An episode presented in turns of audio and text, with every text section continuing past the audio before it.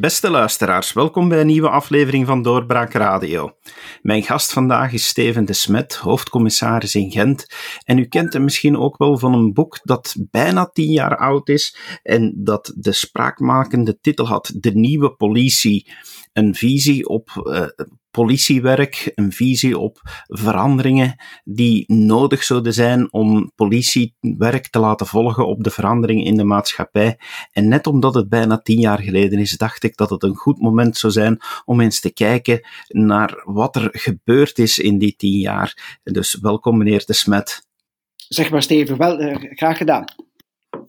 Wel Steven, ik zal dat doen. Uh, uw boek is inderdaad bijna tien jaar oud. Het is uit 2012. Als we even teruggaan naar die periode, wat was voor u eigenlijk de aanleiding om op dat moment een visie te schrijven op hoe politie zou moeten veranderen? Ik, uh, uiteindelijk die visie, eer we dat eer toekomt, die heb ik meegekregen van Tony Marie, de, de toenmalige CEO van de VRT die naar aanleiding van het Flikken-verhaal, wat dat ik volledig mee doende was, de reeks eh, Flikken, die mij uitnodigde op een dinner, en mij toen zijn visie vertelde rond digitale televisie. En je moet, mag niet vergeten, in 2004, niemand had digitale televisie. Hè? En hij stelde hoe dat, dat allemaal ging zijn, hoe dat de televisie ging evolueren en hoe dat ons leefkamer ging veranderen. En ik voelde gewoon aan hoe dat uh, ja, ook mijn werk ging veranderen door de impact van ja, de digitalisering. Maar ik, was niet slim genoeg en ik begon daar rond te schrijven crossmedialiteit enzovoort enzovoort. Maar ik heb dan geluk gehad, een, een, paar maanden erachter mocht ik luisteren naar Peter Hinsen. En ik zat bijna te dansen op mijn stoel als ik hem daar op het podium bezig hoorde, ik zei van, dat is het, dat is wat ik wil vertellen. En ik ben bij Peter dan, uh, ja, zeer goed bevriend geraakt hè, en daar veel uh, mogen aanwezig zijn in die middens van de zogenaamde goeroes of mensen die daar echt eh, toekomst denken. Ja, en dan, ja, ik, ik, zit al een tijdje in de politie. Van 1, januari 8, uh, 1 september 78 ben ik in dienst getreden. Maar ik voelde dan ineens aan van, jongens, jongens, jongens, als wij willen overleven, want dat is eigenlijk de essentie van mijn verhaal. Wij moeten opletten dat wij ons niet ontmarkten, dat we onszelf niet buiten de markt gaan zetten, ja, dan zullen wij inderdaad als politie moeten mee evolueren, zodat we in de toekomst kunnen overleven. De teneur van, van het boek, als, als ik dat nu even aanhaal, je moet, dat, je moet dat inderdaad terugplaatsen in de tijd, maar is eigenlijk toch voornamelijk, vind ik, samen te vatten onder een aantal punten, waaronder communicatie, uh, komt er heel sterk naar voren, maar, maar ook uh, ja, het, opletten om inderdaad die digitale trein die toen vertrok, om die niet te missen. En eigenlijk de combinatie ook tussen die twee vind ik, vind ik, vind ik persoonlijk sterk nog altijd in het boek naar voren komen. Ik weet niet of dat, dat eigenlijk overeenstemt met wat dat u de belangrijkste punten van het boek vindt. Ja, u moet weten, op, op het uh, moment dat ik dat schreef, allez, ik ben jaren woordvoerder geweest van de politie Gent. Dus vanuit die ervaring van communicatie, dat was de eerste inzet die, er was. Maar ik heb dan dat wel zaken beleefd die, die mij echt op, op, de trein zetten of op de rail zetten van, jongens, alles verandert hier. Hè. Uh, als ik u mag zeggen, uh, herinner je nog Pukkelpop? Hè? 18 augustus 2011 ik kan je echt zeggen, ik heb dat dus beleefd. Ik kwam net terug van vakantie vanuit het zuiden van Frankrijk. En waar met, eh, met mijn echtgenoot in de auto naar de winkels, ja, want de ijskast was leeg. En je hoorde dat op de radio. Ja, welke, dat er allemaal aan het gebeuren was. Er sprak van twee doden en vijf doden en zo. Terug thuis, ik had een iPad. Maar keer duidelijk, ik was dus niet in dienst. Ik was nog altijd met vakantie. Ik zat in mijn zetel, maar ik neem mijn iPad, ja, en ik vul op Twitter, want ik ben inderdaad een early adopter van al die social media, ik, de hashtag PP11 in. Ja? En ik begin te zoeken. Ik begin te kijken wat er daar allemaal gebeurt. En dat is fenomenaal. Want ik kan me dan beleven, ik weet en ik zie voor mij hoe dat mijn collega's, brandweer, politie, medische diensten, hoe dat ze een commandopost hebben, hoe dat zij ginter aan het werken zijn. Maar ik zie en ik weet dat zij geen social media monitoren, dat zij niks doen, dat zij er niks hebben. Dus zij weten niet wat er in de real world op dat moment aan het gebeuren was. En je zag dat inderdaad tientallen en tientallen mensen zeiden: Ik stap in mijn wagen, ik breng kledij, ik rij. Ja, lijkt dat er nu van onderuit gaat gaan komen. Ja? ik heb dan proberen bellen, want ik kreeg ook telefoons van natuurlijk vrienden en kennissen, die, wiens kinderen dat er waren, want we geraakten die binnen, telefoons uitgevallen, maar goed, dat is allemaal de evaluatie van daar. Maar in één keer zag ik ook van, uh, er zijn overvolle treinen en er gingen overvolle treinen naar Gent komen. Goed, in Gent. Dat is wel mijn werkgebied, alhoewel dat ik in vakantie was. En ik zag ook weer dat er mensen waren van, wij gaan nu naar het Sint-Pieterstation, wij gaan mensen oppakken, wij kunnen mensen uh, verder helpen, wij gaan kleren brengen. Maar goed, dat was in mijn werkomgeving. En nog eens, je wil niet zien hoe dat ik daar zat, want ik zat in mijn bloot bovenlijf met een pasties bij mij, maar met mijn iPad. Ik zeg, godverdikke, die komen nu naar, naar Sint-Pieters, ik ga dat toch een keer zeggen dat ik een volg. En ik maak een tweet van, met de hashtag PPL van, jongens, oké, ik zie dat er allemaal gebeuren. Ik zal contact opnemen met uh, mijn collega's en ik, ja, ik zal hier directieven geven. En dat was inderdaad zo, hè. zeer bizar. Hè? Ik gaf mijn directieven als de fliek op, op uh, Twitter. En die mensen volgden mij allemaal, die luisterden allemaal. Ondertussen belde ik met mijn collega's van de spoorwegpolitie, waar mogen ze staan, met neus in welke richting enzovoort. In één keer zie ik daar iemand tussen Twitter die ik ken, Pieter, die daar ook in de omgeving is. Ik bel hem daar zelf op. Ik zeg, wil daar een keer de, de hotels aflopen, een keer kijken of dat er daar geen vrije kamers zijn, zodanig dat mensen die me niet onmiddellijk naar huis krijgen, dat we ze daar kunnen uh, te slapen leggen. En op een half uur tijd had ik 35 kamers met alle respect voor de slachtoffers, maar die avond heb ik me gewoon zitten amuseren. Ja? Maar buiten, eigenlijk, buiten dienst en buiten comfort. En dan besefte ik in één keer, zeker, hoe gaat deze wereld hier veranderen? Want dat kan allemaal. Hè? En dat was, ik heb nog zo'n verhaal hè, over Aurore, de, de, meisje die vermoord is op het einde van de Gentse feesten enzovoort. Dat zijn allemaal zaken die mij beseft hebben van, jongens, als wij niet gaan participeren in die nieuwe wereld, dan gaan we eruit. Hè? Het is, ja, het is dan nog verder geëvolueerd. Hè. De, de, als ik naar Zaventem mag kijken, om één anekdote te vertellen. Zaventem in 2016, dus na het boek zelfs. Ik krijg uh, Jeff, Jeff de, de, de eigenaar van de brouwerij uh, van Steenbergen, de, de, de man van, ah, goed, Jeff, ik ben zijn naam nu vergeten, maar goed. Ik krijg hier s morgens, want die is in Zaventem, foto's onmiddellijk binnen van Steven, er is een aanslag in Zaventem. Ik ga dan hier met die foto's bij de hoogste veiligheidsverantwoordelijke die er is. En het antwoord was: wij hebben nog geen telefoon gehad. Want gans onze piramidale structuur van rampen enzovoort, die moest starten met een telefoon. Ja, ik, maak geen enkele persoon verwijten dat dat duidelijk is. Mij gaat over de systemen die moeten aangepast worden. En wij hebben de Zaventem dan verder. Op een bepaald moment ja, start alles officieel en dan gaan hè, de, de, de grote coördinatievergaderingen door op alle niveaus. En wij zaten hier met, met, met een man of veertig, federale politie, lokale politie, brandweer, militairen enzovoort enzovoort. Ik kan u eerlijk zeggen, we hebben een halve dag zitten doen. Niets. Want de minister communiceerde, ministers communiceerden via internet dus wat wou dat zeggen? En ik neem hier het, echt het voorbeeld van, van mevrouw Krevits, die toen uh, minister uh, Onderwijs was. En die communiceerde, ik weet niet juist niet meer, van iedereen moet in de school binnenblijven tot 16 uur. Maar als je dat in het internet communiceert, dat wil zeggen dat de schoolmaakster, de schooldirecteur, de leerkrachten, de ouders, iedereen weet het. En dan kan je aan die structuur, die, dat piramidale, in één keer dat ze hier op dat tussenniveau stelde van, ah, dat kan niet, dat kan niet. En dan ben ik ook moeten tussenkomen van time-out, jongens, de minister heeft beslist. Neem het mee naar de evaluatie om dat te bestuderen. Maar als je hier nu gaat gaan tegen indruisen, dan krijg je anarchie. En dan heb ik nog een keer extra geleerd van die piramidale structuren, waar we spijtig genoeg nog altijd mee werken, die voldoen niet meer aan de netwerksamenleving waar dat we echt in leven. Ja? En nog eens, dat is niks tegenover personen, want die, die structuren hebben nut gehad in het industrieel tijdperk.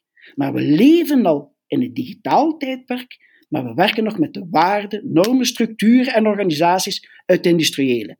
En dan gaat nog een stapje verder. Die moeten niet meer veranderen. Nee, die moeten nieuw worden.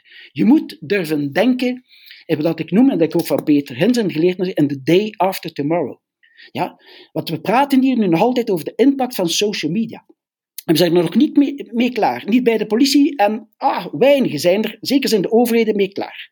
Wat als 5G er doorkomt en dat quantum computing, artificiële intelligentie, eh, blockchain enzovoort, als dat er echt doorkomt. En niet zeggen van, dat gaat niet gebeuren. Nee, nee, het komt erdoor.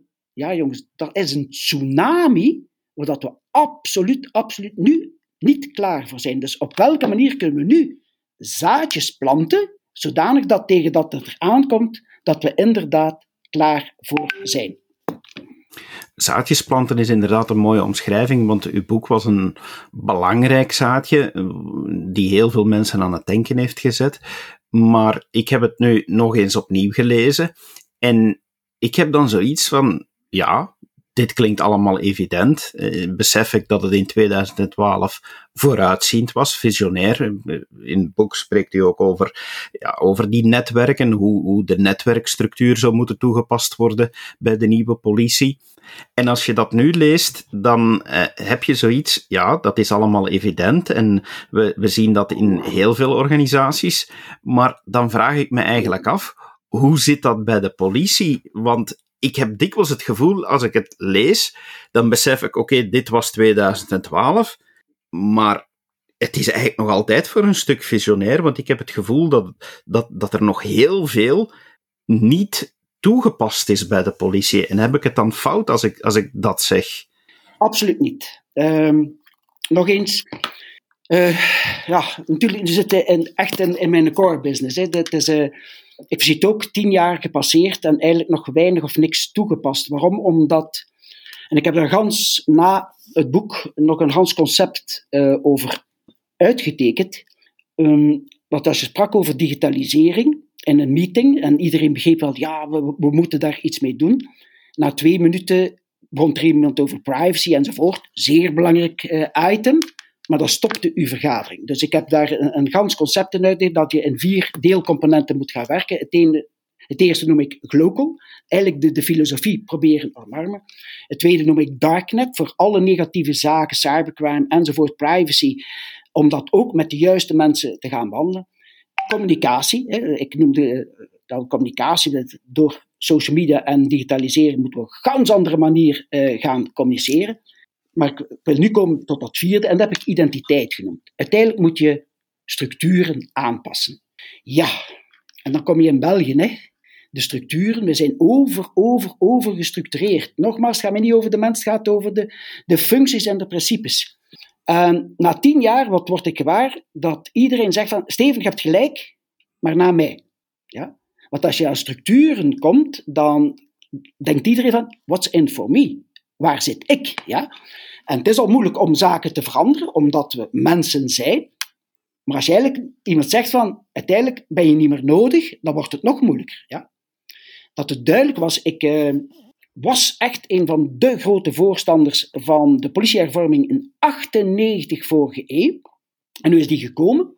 Als ik naar mijn loopbaan bekijk, je mag nooit vergeten, midden jaren 80 vorige eeuw hadden we ons eigen terroristengroep, CCC, enorme criminaliteit met de bende van Nijvel. En 29 mei 85 het Heizeldrama.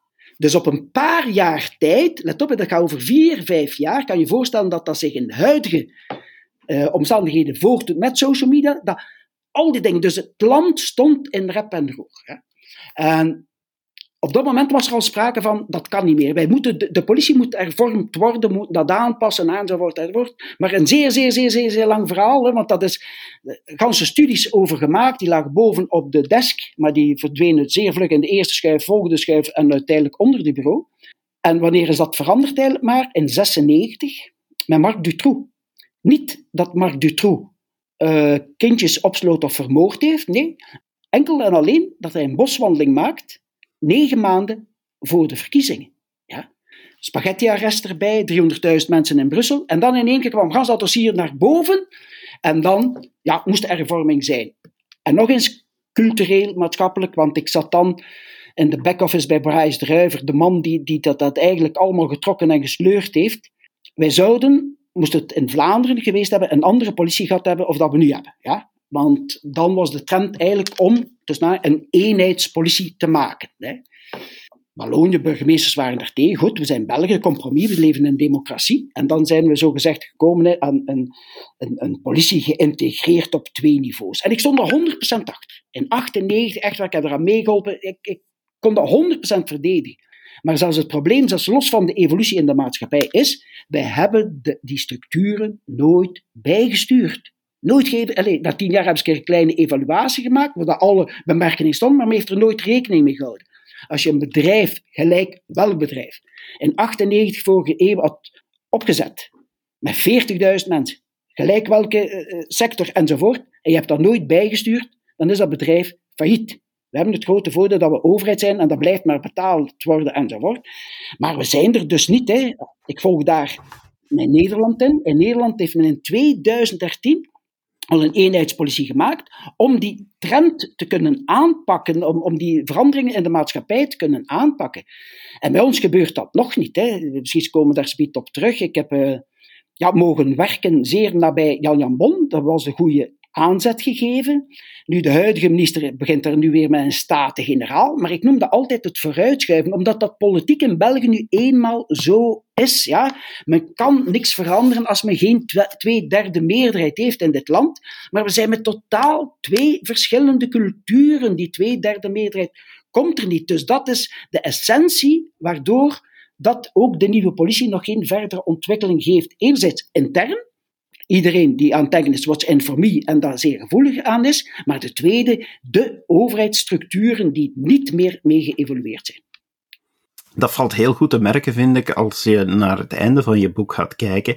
Uh, ja, het meest interessante deel om eigenlijk er nu bij te nemen, vind ik, zijn die tien aanbevelingen die je toen gemaakt heeft.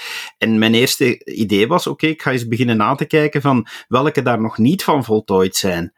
En ik had zo heel snel, toen ik aan de eerste paar zat, dacht ik van, oh, ik moet de vraag anders stellen. Welke zijn er wel van voltooid, blijkbaar? Want eh, als ik al begon bij het eerste, de, de aanwerving. Eh, Oké, ik heb dan eens zitten denken. Ik heb de denkoefening gemaakt. Ja, van, ah ja, als ik nu eens bij de politie zou gaan, als informaticus, en ik ben naar de naar Jobpol, uh, ja, heb ik er naartoe gesurfd. En ik zoiets van, ja, ja jongens, dat is nog altijd zoals dat in dat tien jaar oude boek beschreven staat. Daar is niks aan veranderd. En ja, ik vond dat toch wel heel opmerkelijk dat, dat zoiets nog, nog altijd op die manier gebeurt. Ja, eh, het is enorm spijtig. Laat, misschien bij de aanvang. Ik heb, ah, natuurlijk denk ik verder, ik, heb die boek gewoon tien voorzetten willen geven om de discussie uit te lokken. Met sommigen is dat gelukt, maar sommigen hebben dat natuurlijk weer afgehouden hè, om, om niet te moeten komen. Want uiteindelijk, like dat ik daar straks vertel, kom je aan dat identiteit en aan veranderingsprocessen van je structuur. En dat is het gevaarlijkst.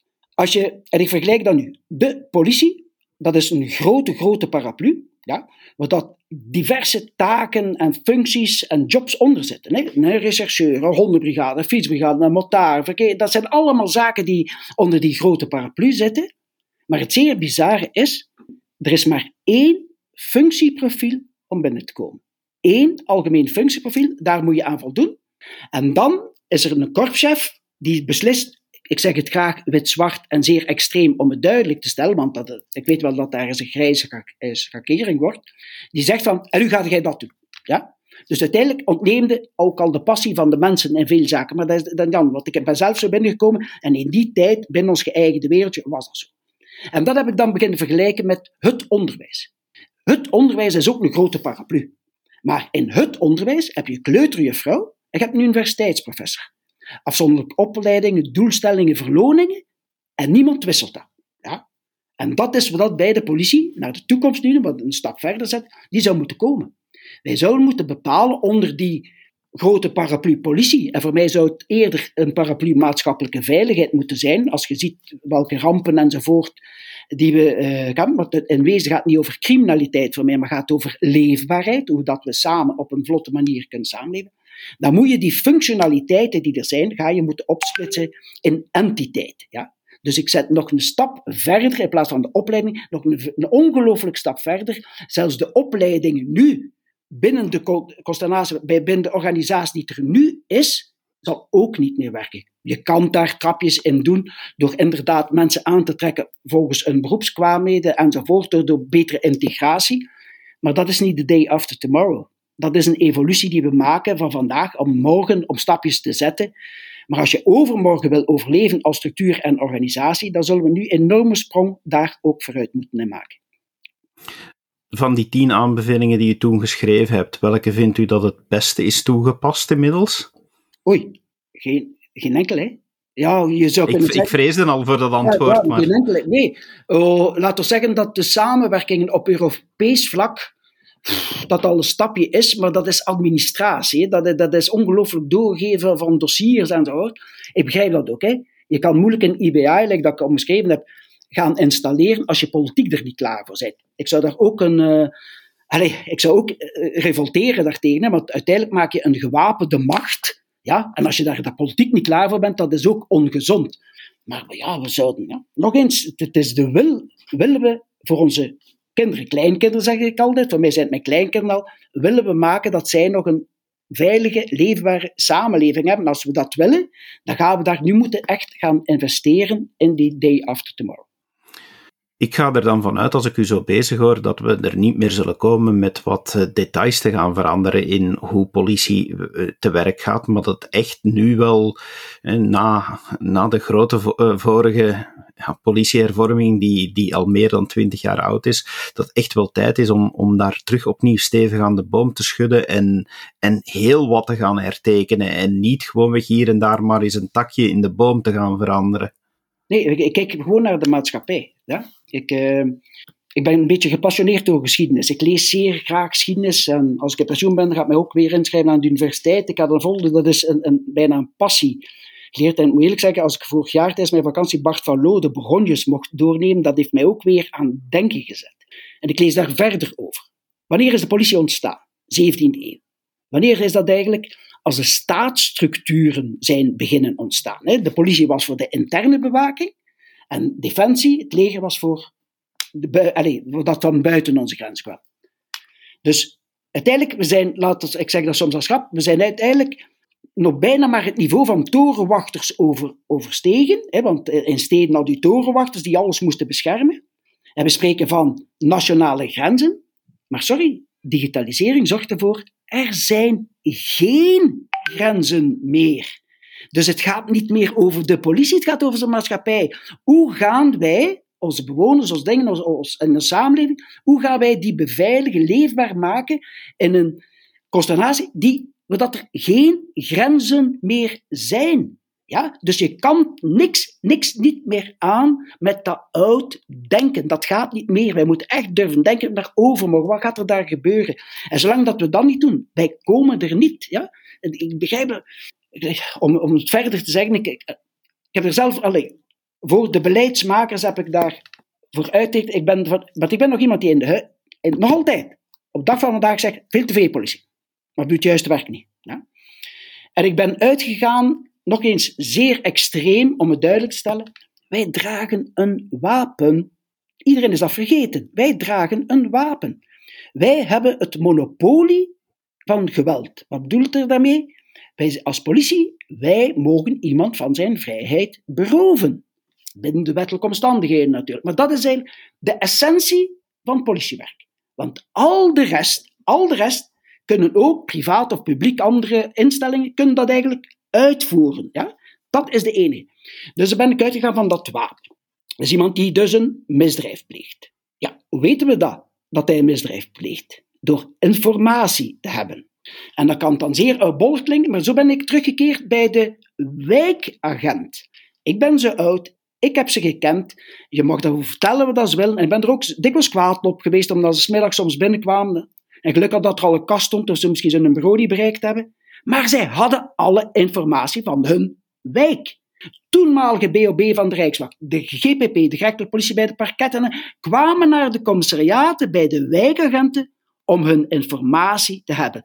Dat is het basisgegeven. Dus aanhouden, wapen, dan heb je uw wijkpolitie nodig. Maar niet meer één functieprofiel en een korpschef die beslist van, jij wordt wijkagent. Nee, voor mij is dat een entiteit. Zoals ik het voorbeeld gegeven heb van het onderwijs, jij kiest ervoor om wijkagent te worden. Ik ga een stapje verder, is digitaal wijkagent, maar dat zou nu te ver rijden, want ik heb daar een ganz systeem rond dat er inderdaad mee is met zijn tijd. Maar dat is een beroep. Een beroep waar je voor kiest met passie en dat wil doen. Ja? En je gaat er niet meer uit. Je kunt er niet meer uit, of je moet ontslag nemen en maar een andere job gaan doen. Dat is in mij nog een keer extreem gesteld. Wat het voordeel heeft dat je in dat je die aanpassing van mensen om aan te werven, dat je kan kijken naar de omschrijvingen waar dat ze moeten werken. Oké, ik ben weer aan zelf. Ik ben inderdaad, in, ik zei ook altijd, in dienst getreden bij de Gestapo, de Gentse stadspolitie. Ja, dat, dat duidelijk is. Maar wij moesten wonen en werken in onze stad. Wat betekende dat? Dat wij ons cliënteel de zaterdag moesten ontmoeten in de GB. Je krijgt een andere verhouding. Dat wij Gentse feesten konden doen met maximum 150 collega's op 24 uur. Waarom? Het was van ons. Het was ons feest. Wij woonden daar. Wij kenden alle cafébazen enzovoort. Want wij woonden en leefden in die omschrijving. En dat als je dan de lokale, de wijkpolitie zou zien, zeker voor steden, dat maakt dat een burgemeester echt zelf kan recruteren en de mensen aantrekken die hij nodig heeft om dat te doen. Nogmaals, dankzij digitalisering, vroeger waren dat wijkboeken, nu kan dat gedigitaliseerd worden, is, komt die informatie op een bovenlaag voor andere diensten die het noodzakelijk hebben. Dan heb je een recherche. Ja, laten we eerlijk zijn, cybercrime, dingen, het is allemaal op het internet. Dus daar moet er enorm geïnvesteerd worden met de juiste mensen die dat gaan doen. Ja, dat is ook weer een entiteit. Ik heb niks, absoluut niks tegen alle bijzondere eenheden. Integendeel, ik zou die 100% steunen in opleiding en materiaal. Ze moeten het beste, beste, het beste van het beste hebben. Maar wat mij enorm ergert, is dat dat eerste lijnspolitie geworden is. Als je ziet dat er ergens iets gebeurt, dan zie je de, de helmen, de kogelweren, de vesten, de dingen. Nee, dat is uw back-office. Wat gaan wij doen als het echt ernstig wordt? Ja? Maar doorgaans de evolutie zijn we daarop teruggevallen. Ik noem dat de militarisering van de politie en ik vind dat echt niet gezond. Nogmaals, ik zou die 100% steunen, maar ik zou het liefst hebben dat een jaarverslag dat dan blanco blad is. Maar dan weet ik, dan hebben we schitterend goed werk verleverd. Ja? En dat dat eerste lijnspolitie wordt, dat is een gevaar. Eh, daar denk ik dan ook weer aan mijn kleindochter. Als je, loop maar in de stad enzovoort, en als je dat ziet, als er met zware wapens en helmen en overvalwagens beginnen rondrijden, oeh, dat is, allez, ik, vind, ik vind dat niet leuk. Ik vind, ik vind dat absoluut niet aangenaam. Steven, zijn er eigenlijk op dit moment mensen op het hoogste niveau bezig met, om tenminste na te denken over hervormingen? Of is dat nu iets waarvan u zegt, ja, ik ben echt wel de eenzame stem in de woestijn die hierover bezig is? Het heeft ooit een keer iemand gezegd, in hoeveel, in hoeveel woestijnen heeft Steven al niet gelopen? Hij zal alle woestijnen van de wereld heeft hij al betreden en zo. Nee, ik heb één voordeel. Dat, dat, moet ik zeggen. Uh, ik weet dat je dat niet ziet, maar ik word uh, eh, 65 in december. Ik kan je dat eerlijk zeggen, eh, zelfs ik als jong officier, sorry voor het woord, maar wij noemen dat de dodenlijst. Dat wil zeggen, als een collega 60 jaar werd, daar trok wel een streep door. Waarom? Die ging verder pensioen. En wat betekent dat nog voor het korps? Wel, invloed had hij dat nog? Nul. Ja? Ik heb het voordeel dat ik de flik ben. Ja? En dat ik mijn passie kan delen op het internet.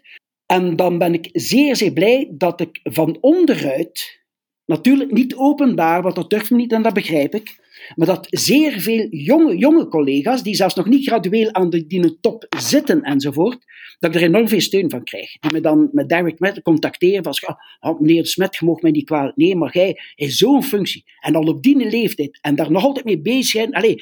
Ik hoop dat dat blijft doen, want zo kunnen ons, eh, steunen ons. Want de jongeren beseffen dat wel, dat zij in een andere wereld, maar ze botsen op die hiërarchie. Nogmaals, menselijk begrijp ik dat, maar wij moeten daar een keer echt durven een vraag om stellen. Dat, in mijn filosofie van overmorgen, dat zeg ik altijd aan collega's, in een goede organisatiestructuur heb je een 80-20% verhouding. Wat is dat? 80% ben je doende met de dagdagelijkse beslommeringen. En een goede organisatie is 20% bezig met morgen. Hè. De budgetten van volgend jaar, innovatie. Voor politie is dat drones en, en ANPR-camera's enzovoort. Dat moet veranderen naar een 70-20-10 verhouding. En die 10, dat zijn maar cijfertjes, hè, dat kan uh, fluctueren. Die 10 is echt denken, wat zou er overmorgen kunnen gebeuren en hoe gaan we vandaag die zaadjes planten, dat we er klaar voor zijn. En 10% van je middelen, van je personeel, moet je daarvoor vrijmaken. Doe je dat niet, dan ga je eruit. En ze mogen geloven of niet, ik, ik zeg dat, ik heb, het is vorige maand met, met, met mijn kleindochter, Ella. Ze komt wat dichter bij mij zitten, want hè, ze wou nieuwe sloffen, allee, uh, Adidas, ik weet niet meer welk merk. Komt ze wat dichter, ze kijkt van, va, versleten. Ja, ik van, ah, nee, wil je dat een beetje Sponsor misschien. Ja, grapje. Ik zei, goed, maar ik zei niet te duur, hè. Ze is bezig, hebben die telefoon. Oh, kijk, Rivava, 65 euro maar. Ja, dat is echt spotgoedkoop. Oké, je krijgt ze. Bestel maar. Weer bezig. Vava, morgenmiddag wordt het al geleverd.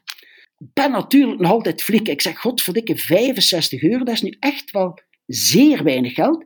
Zou het geen valse zijn? Vriendelijk aan mijn ik zei, Ella, ik zeg, eh, waar hebben ze gekocht? En spijt mij dat ik dat beeld niet heb kunnen vastleggen, hoe dat ze naar mij keek, die schouders optrok van, eigenlijk zei ze, wat stomme vraag stelde jij nu? Waar hebben ze gekocht? Wie interesseert er dat nu nog? Ja? Goed, het waren geen valse, alles is goed gekomen, maar dat doet mij aan denken. Dat is een generatie die, waarover gaat, over het product dat ze willen en de service die ze krijgen. Het liefst zeer snel, want zij willen zeer snel bediend worden. Het zit in een kopje. Zij zijn echt in een digitale wereld opgegroeid. Wat als er morgen een platform komt in safety en security? De vraag is niet wanneer dat er, of dat er komt. De vraag is gewoon wanneer komt het er? En ze willen er zelfs nog iets voor betalen als ze een snelle service krijgen. Ja, maar sorry, waar is die reguliere politie dan? En mijn schrik zit dan, dan heb je het verschil tussen de haves en de haves not. Ja? En degenen die de uh, toestemming en, en, die het kunnen, die krijgen een service en de anderen niet. Ja, dan begin ik te denken aan die futuristische films van die bovenwereld en die onderwereld, nee, die, zeer ongezond zijn. Maar gaan we dat hier toelaten? Zo extreem zal het niet zijn. Maar mensen die dan misnoegd worden en, en zich gaan beginnen uiten in de, in, in de maatschappij, ja, dan komen tot vechtpartijen in de steden en gemeenten. Hè. En dat is ja, misschien een doemgedachte die ik heb. Jongens, laten we alsjeblieft een keer aan beginnen. Is de politiek daarmee bezig, denkt u? Is men, is, zijn er mensen in de politiek die beseffen, we moeten hier echt werk van maken? Ja, er zijn, uh, in alle partijen zijn er mensen die het beseffen, maar die botsen ook op de geëigende structuren binnen de partij. Om, uh, en nog een keer, het gaat mij niet over partijpolitiek, maar dat duidelijk is, ik heb in uh, 2016 heb ik een, uh, zelf een congres kunnen geven, Veilig 2020. Uh, niet vertellen hoe dat er komt, de, allemaal. Maar eerlijk zijn, ik heb een congres georganiseerd, want ik wou terug on stage. Ik wou terugkomen ik, na mijn moeilijke periode, ik wou iets gaan doen. En door allerlei omstandigheden slaagde ik in toch om de minister Binnenlandse Zaken uh, naar mijn congres te krijgen. Toen Jan Jan Bon. En als dat ooit past, zal ik u dat tonen, want ik heb op film. Jan Jan Bon heeft daar op het einde van de congres niet meer durven spreken. Ja? Omdat de impact van de congres, dat ik hier vertel, en dat werd verteld op dat moment door Steven van Belgen en Peter Hinsen, dus ik kan me voorstellen hoe dat, dat zwaar erover kwam, heeft zijn speech daar weggesmeten. Ja? Maar hij belooft daar die avond als een disruption committee op te richten. Dat we mee bezig waren. Dat inderdaad denken aan de dag van uh, overmorgen en zo. En dan heb ik zeer, zeer, zeer nauw samen kunnen werken met Jan Bon, hè, wat D-netwerk, daar waren we dat volledig aan het ontwikkelen. En moet eerlijk zeggen, mijn enorme appreciatie voor Jan Bon is dat hij zijn eerlijkheid, dat wil echt eerlijk zijn, als bij de minister de eerste keer dan zat, ook een lang verhaal, maar goed, dat doet er nu niet toe, dat hij vertelde, nou, de NVA zat de eerste keer in de regering en ze hadden eigenlijk niet alleen Binnenlandse Zaken, maar ook Defensie. Ja? uh, onder een. Dus zegt de Steve zegt, je begrijpt dat dat zeer strikt afgebakend is. En dus als niet iedereen mee is, kunnen we niks veranderen. Goed, zijn eerlijkheid apprecieert. En wij waren doende met een groen boek, het D-netwerk, een groen boek te maken om naar het einde van de legislatuur, wie ook dat er dan verder ging moeten werken, dat je er niet meer onderuit ging kunnen en dat er veranderingen moesten zijn. Maar ja, weet ook, de NVA stapt uit de regering en dat wordt gewoon van tafel geveegd. Hè. Ik lig daar hier in mijn kast met, met die zaken ja, er is allemaal aan gewerkt, maar de volgende minister veegt dat van tafel. Nog een keer, het gaat niet over Pieter Krem, die dan minister was, want ik heb dat in mijn carrière uh, dikwijls meegemaakt. Hè. Dat, dat zijn nu eenmaal ministers, zeker. Hè. Met, met Heizeldrama heb ik zeer, zeer, zeer nauw kunnen samenwerken met Louis Tabak. En Louis Tabak werd opgevolgd door Van Lanotte, dus zelfs een partijgenoot. En laten we ook zeggen, dat hij vond die voetbalproblematiek dan niet meer prioritair. Ja? Dus like, minister komt aan en iedereen denkt als op die vier jaar dat ze het waar water gaan uitvinden. In plaats van verder te bouwen op wat dat er is. Ja? Maar nog eens, ik weet het en ik begrijp het. Zij weten dat ook. Als we in dit land geen twee derde meerderheid hebben, verandert er niks. Ze mogen allemaal vertellen wat dat is. Dat is de realiteit. Dus ik hoop, en ik noem dat ook de digitale clash, die komt eraan. Ja? En dat zal van onderuit komen met alles wat daar nu gebeurt, ook al de rampen, corona, dingen. Jongens, toch, wat, de mensen communiceren met elkaar. Hè. Ik zit in, verschrikkelijk veel in een back-office eh, Ik zou over corona ook uren kunnen vertellen. Ik was dan, door de omstandigheden, Jan Briers gaat weg als gouverneur. En de volgende waarnemend gouverneur vraagt mij, Steve, wil jij mijn kabinetchef worden? Tuurlijk aanvaard ik dat. Dat was een, dat wil eerlijk zeggen, een opgestoken middenvinger naar een paar mensen. Hè, van kijk hier, voilà, Smet is er weer. Hè. En ik dacht dat we dat drie maanden ging zijn. Nou, waar neemt de gouverneur, dat is drie maanden dan niet. Uiteindelijk is dat 19 maanden geworden. En corona breekt uit ook op dat gebied durf ik zeggen, ik, ik, heb het al getweet ook en ik durf het nog zeggen, nog een keer niet over de persoon, maar de minister stuurt een mail naar de gouverneur, de gouverneur stuurt een mail naar de burgemeester, de burgemeester stuurt een mail naar zijn politiechef, zijn brandweerchef, zijn, eh, zijn medische componenten en naar defensie, wat Zoom of wat Teams-vergadering, weer mailje terug. En dan de, oh, de burgemeester had misschien onderling nog overleg en terug. En de gouverneur zijn er in de huidige tijd, jongens, is al te laat, maar het al staat op het internet. Dat is. Die structuren voldoen niet meer aan de huidige verlangen we dat we hebben. Mijn, Bert Brugman had hem misschien gisteren of van de week gelezen, ook zijn reactie, de, de, de grote baas van de brandweer van Antwerpen. Hij heeft honderdduizend procent gelijk. Hè. Wij kunnen niet meer werken met, met die structuren. Het moet van onderuit komen. Hè.